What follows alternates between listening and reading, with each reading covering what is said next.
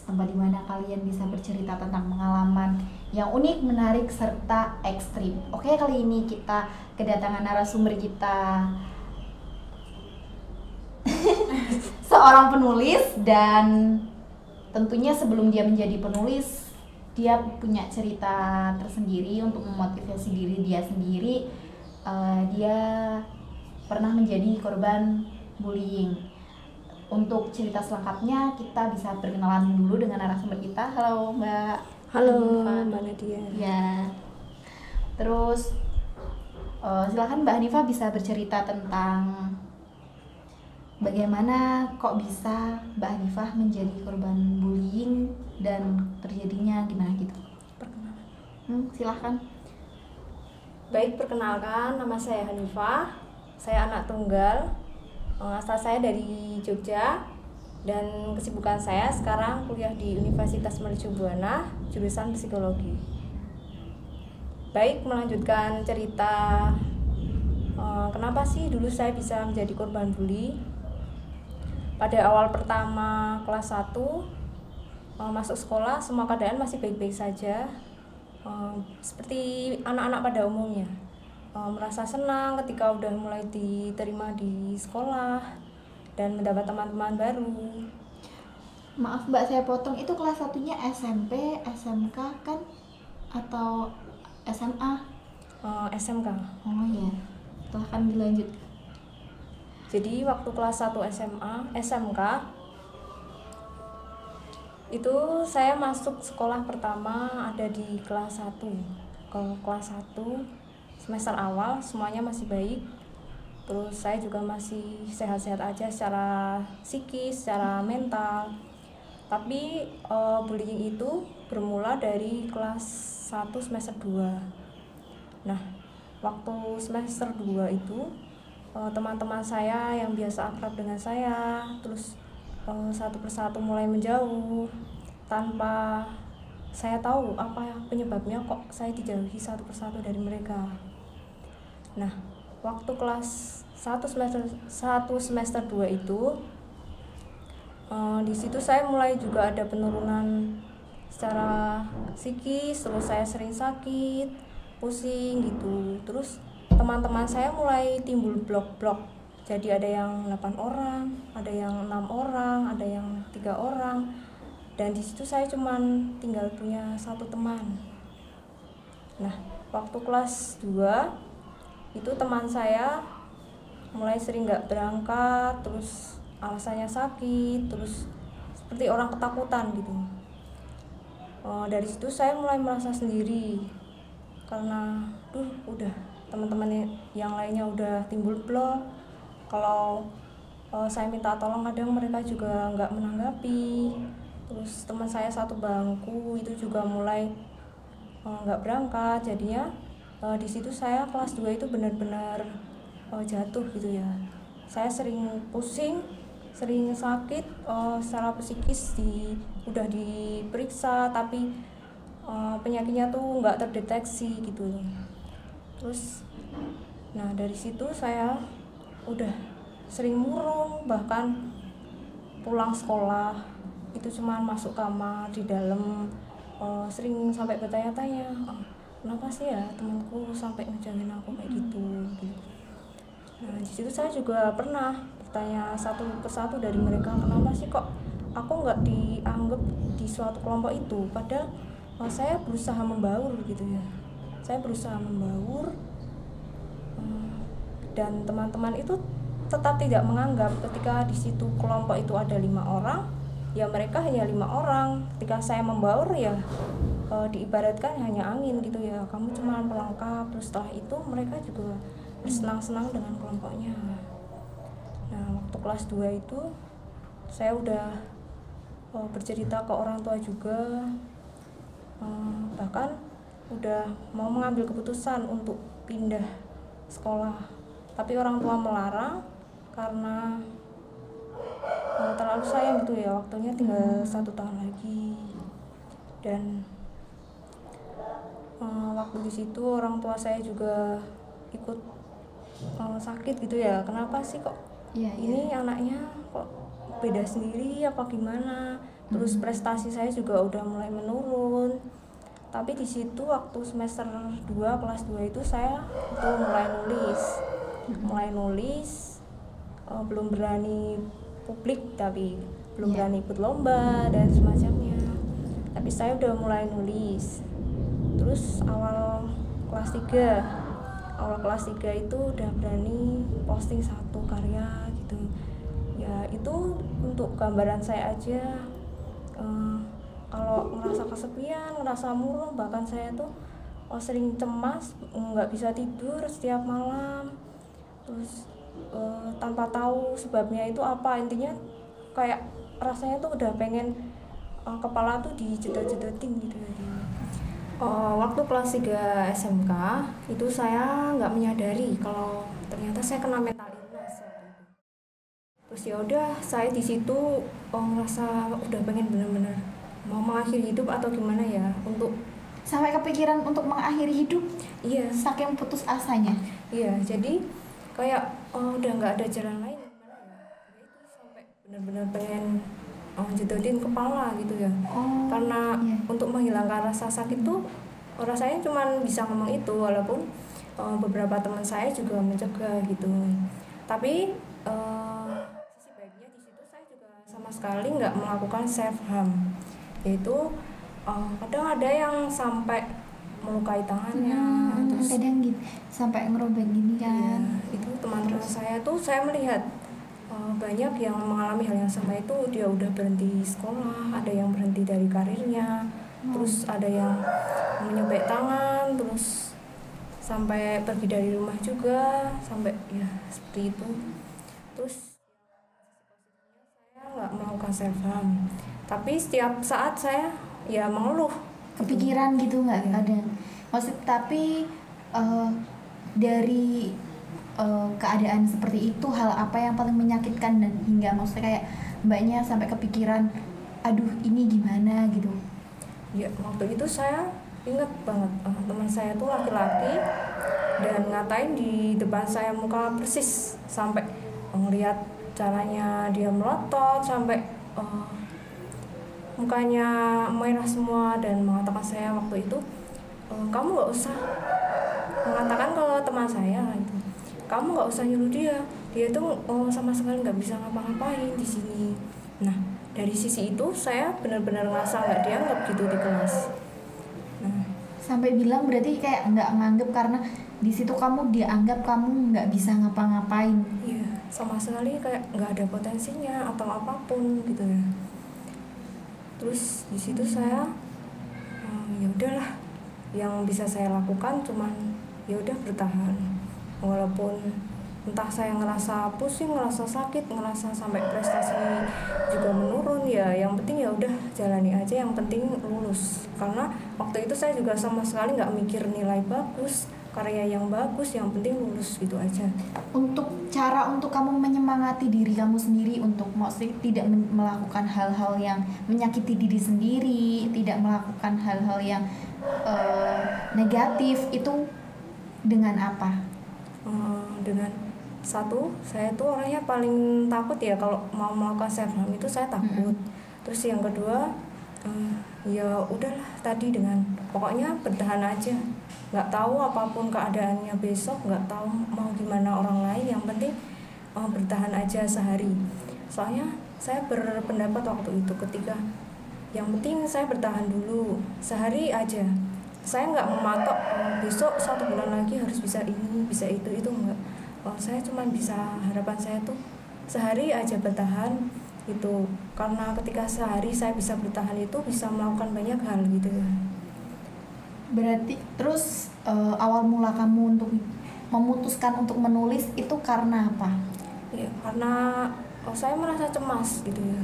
Merasa cemas sampai eh, sakit kepalanya gitu. Terus ketika saya mencoba nulis itu karena waktu itu saya juga belum bisa sharing. Rasanya mau cerita itu sulit banget. Ngomong satu kata tuh susah banget. Jadi ya ya udah waktu itu yang bisa saya ngajak bicarakan kayak tulisan itu nggak ada penghakiman gitu ya.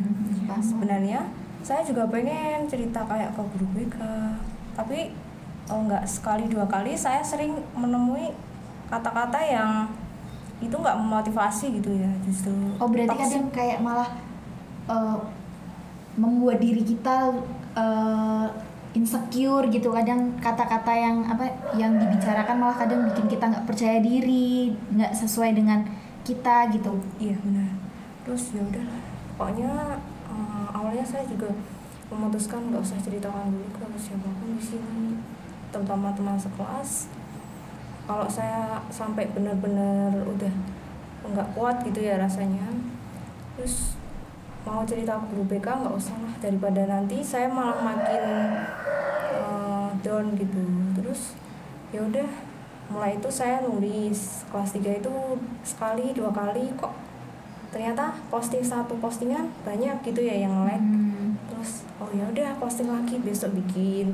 Terus tiap minggunya saya posting. Loh kok tambah banyak lagi? Banyak juga yang nyimpen. Hmm. terus ya udah eh, sekarang coba memutuskan buat nulis gitu aja awalnya eh, kelas 3 dalam keadaan cemas dalam keadaan udah ngerasa itu saya benar-benar putus asa soalnya Berarti sega, berarti segala emosi kamu itu diluapkan di tulisan semua. Iya, waktu itu kan benar-benar nggak bisa ngomong gitu ya. Iya. Terus kadang eh, orang lain juga meminta saya untuk coba kamu terbuka. Bahkan teman sekelas kadang juga bi- bilang gitu, "Eh, kamu terbuka lah, harus gini lah, harus itulah. Tapi saya benar-benar nggak bisa ngomong itu. Intinya saya cuma bisa ngerasain sakit. Terus ya udah eh, semua saya tulis di karya tadi. Awalnya saya posting di Instagram gitu ya. Di Instagram um, berapa kali sampai lima kali 10 kali makin banyak makin banyak terus puncaknya itu ya waktu lulus SMK itu uh, saya followersnya juga nambah karena tiap hari posting itu Hmm. terus yang save juga ada yang sampai 200 ada yang sampai 400 nah itu saya jadi seneng banget ya udah Berarti termotivasi karena orang lain itu mendukung. Iya. Terus banyak juga terus satu orang, dua orang, bahkan ada orang-orang nggak dikenal dari teman-teman dari Sabang sampai Merauke itu juga nge-DM terus ada yang minta sharing gimana sih caranya nulis Iya, ini iya. kok bagus? Terus ya udah waktu lulus itu saya nyoba buat ikut sayembara. Ikut sayembara nulis itu menang. Eh, kebetulan karya saya di posting juga di repost. Ada yang dimasukin koran kayaknya tapi nggak tahu koran apa. Terus saya ya udah mulai sekarang nulis aja terus nah waktu itu juga pernah eh, sampai di repost terus dapat hadiah apa gitu dikirim sama pihak Hmm. penerbit juga. Terus ya udah saya memutuskan buat nulis aja. Eh, di situ awal lulus itu saya udah mulai bisa terbuka gitu ya Oh. sharing ke salah satu teman saya di rumah. Itu dia anak psikologi kan dulu anggapan saya oh pasti sering lah buat sharing. nah di situ saya cerita kalau oh dulu waktu SMK gini sampai ujian itu saya nginep di rumah teman saya Mbak Esti ya. Terus sampai nginep sampai tugasnya dibantu terus dipinjemin laptop bola balik dari rumah sampai sini. Nah itu kalau oh, saya ngerasa waktu SMK itu kalau benar-benar nggak ada Mbak Esti mungkin saya juga nggak lulus karena nggak ngikut ujian. Terus ini saya juga itu cerita ke teman-teman saya terus saya disarankan buat kalau ada mahasiswa S2 psikologi minta studi kasus itu saya suruh ikut nah waktu 2019 kemarin eh, ada kebetulan mahasiswa S2 yang butuh studi kasus nah kebetulan saya ikut di situ Jadi objek penelitian gitu. Iya, jadi narasumber gitu juga. Hmm. Terus beberapa kali ikut tes, di situ mulai ada tes kognitif, terus di tes kecerdasan sampai eh, rentang perkembangannya juga dari bayi sampai dewasa itu gimana. Terus di situ eh, saya ternyata didiagnosa kena anxiety disorder sama depresi itu secara bersamaan. Iya. Nah, ternyata ya itu saya mulai tahu oh penyebabnya dari SMK itu sering pusing, sering sampai cemas, nggak bisa tidur, sampai pengen jedat-jedatin kepala. Itu ternyata eh, depresi sama anxiety itu secara bersamaan. Nah, terus saya ikut terapi juga mulai di terapi sama mahasiswa S2 itu selama tiga bulan pendampingan. Terus di situ saya mulai uh, mau membuka diri mau ikut organisasi di lingkungan saya. Terus ya sejak itu udah agak mendingan terus mulai mau terbuka ke teman-teman terus uh, saya mau cerita mau sharing. Nah itu saya udah mulai terbuka mau berani tampil gitu juga. Terus 2019 itu saya juga ikut seminar-seminar kesehatan mental gitu. Seminar kesehatan mental itu pertama kali saya ikuti di UGM waktu itu. Uh, di situ saya udah mulai berani uh, public speaking ya yeah, mau yeah, mau yeah. ngomong karena waktu itu sebelumnya menceritakan pengalaman berarti udah berani yeah. untuk menceritakan pengalaman terus waktu itu ternyata di sana banyak juga orang-orang yang kena sakit mental terus yeah. ada iya. yang skizofrenia sampai Parkinson sampai um, bahkan menurut saya itu lebih berat dari apa yang saya hadapi hmm. gitu terus saya berani cerita berani ngomong gini oh berarti ini oh, ternyata aku nggak sendirian. Oh, ternyata banyak gitu ya orang-orang yang ngalamin hal yang sama. Terus ya udah mulai saat itu saya udah berani buat ngomong buat cerita buat sharing inilah. Oh kalau aku dulu tuh pernah kena bully pernah ngalamin kekerasan verbal kayak gini dari teman-teman itu terus uh, gini saya juga udah mulai cerita mulai pede gitu ngomong sama teman-teman nah ternyata nggak semua orang tuh tanggapannya juga buruk apalagi orang yeah. yang, yang sama gitu ya terus saya uh, masih mengikuti pendampingan itu terus tahun 2019 itu kebetulan saya juga udah kuliah tapi sebelum di kampus yang sekarang. Hmm. Nah, itu saya masih rentan kena kekerasan verbal juga. Saya mengikuti organisasi di situ yang ternyata saya oh, berpikir bahwa kegagalan saya mengikuti organisasi itu ternyata justru yang orang lain tanyakan tuh bukan selalu tentang keberhasilan saya gitu. Hmm. Justru malah kegagalan yang menurut saya itu menginspirasi gitu terus sampai sekarang saya juga masih menekuni nulis terus ikut lomba masih saya ikuti beberapa kali juga ikut sayembara gitu dapat juara terus yang terakhir kali kemarin saya nerbitin buku tapi belum maksimal hmm. berarti pas diterbitin banyak belum merasa maksimal dengan buku tersebut iya tapi sih saya seneng karena oh ini aku tahu nggak maksimalnya itu di mana karena hmm. waktu itu buat itu saya dalam keadaan yang nggak karuan gitu ya yeah, yeah, yeah. putus asa hmm. terus tapi saya senangnya oh ternyata ini dari hasil kecemasan hasil saya didiagnosa depresi hmm. itu ternyata saya bisa bikin karya gitu ya terus bu untuk buku itu judulnya apa ya mbak kalau boleh tahu judulnya senja jingga dan cerita kita nah di situ uh, menceritakan tentang kita tuh dalam hidup nggak selalu ada hal yang menyenangkan mungkin ada yang pernah patah hati mungkin ada yang pernah diremehkan motivasi kita aja buat sama-sama saling mengisi karena nggak selalu keberhasilan itu yang menginspirasi tapi ternyata kegagalan yang saya alami ini justru uh, yang banyak dicari banyak ditanya orang-orang gitu uh, untuk segmentasi buku tersebut lebih banyak ke mana mbak? Lebih banyak ke remaja ya, soalnya kadang kalau remaja itu masih butuh kayak proses pencarian jadi diri gitu ya. Hmm. Jadi itu saya tujukan ke remaja.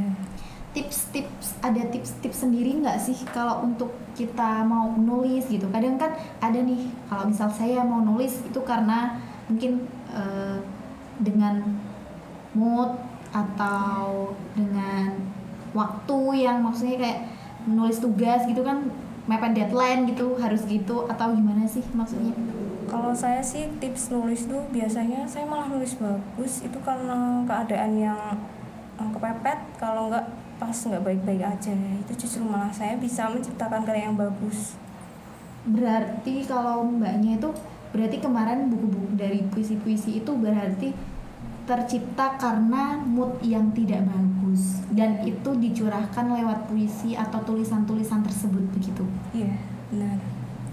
Jadi dalam keadaan nggak baik-baik saja saya just, saya justru bisa berkaya dengan maksimal gitu ya. Soalnya uh, keadaan mood yang nggak bagus itu saya ngerasa ini ngerasa ini ngerasa hal yang seperti apa gitu bisa langsung saya tuliskan gitu. Kalau enggak uh, misalnya kita lagi main ke alam gitu ya terus nah di situ biasanya menyendiri terus nah di situ banyak inspirasi gitu. Uh, mbaknya ada pesan nggak buat uh, para audiens kita maksudnya kayak buat para penonton yang baru mulai menulis gitu ada pesan buat mereka gitu nggak? Kalau buat teman-teman yang penting dicoba aja. Kalau suatu ketika ngalamin writer block gitu ya writer block itu ketika kita udah bener-bener nggak bisa nulis kepentok ide tapi biasanya di situ orang-orang tuh memilih untuk berhenti atau menghapus semua karya-karya gitu nah di situ lebih baik teman-teman tetap bertahan aja ketika keadaan writer block uh, tetap berkarya uh, semampu teman-teman tulis inspirasi yang teman-teman bisa aja terus uh, intinya tetap dicoba dan bertahan kalau emang teman-teman punya bakat menulis apalagi disayangkan kalau uh, hal itu harus disudahi gitu harus diakhiri uh, pokoknya dicoba aja dan tetap bertahan ngikut uh, mulai ikuti sayembara mulai ikuti lomba terus kalau ada hal-hal yang tentang kepenulisan gitu bisa dicoba buat teman-teman. Udah baik mbak, terima kasih uh, untuk motivasinya kita, maksud buat kita semua.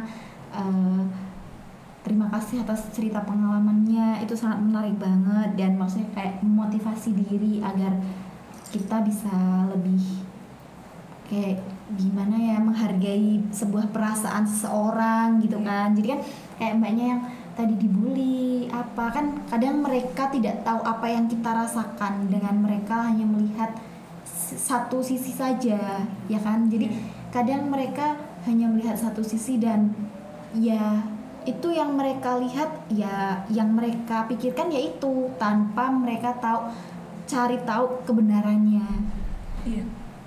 Uh, terima kasih banyak Mbak Hanifah atas waktunya dan untuk teman-teman jangan lupa like komen, dan subscribe channel kita dan nantikan video-video selanjutnya. Dadah!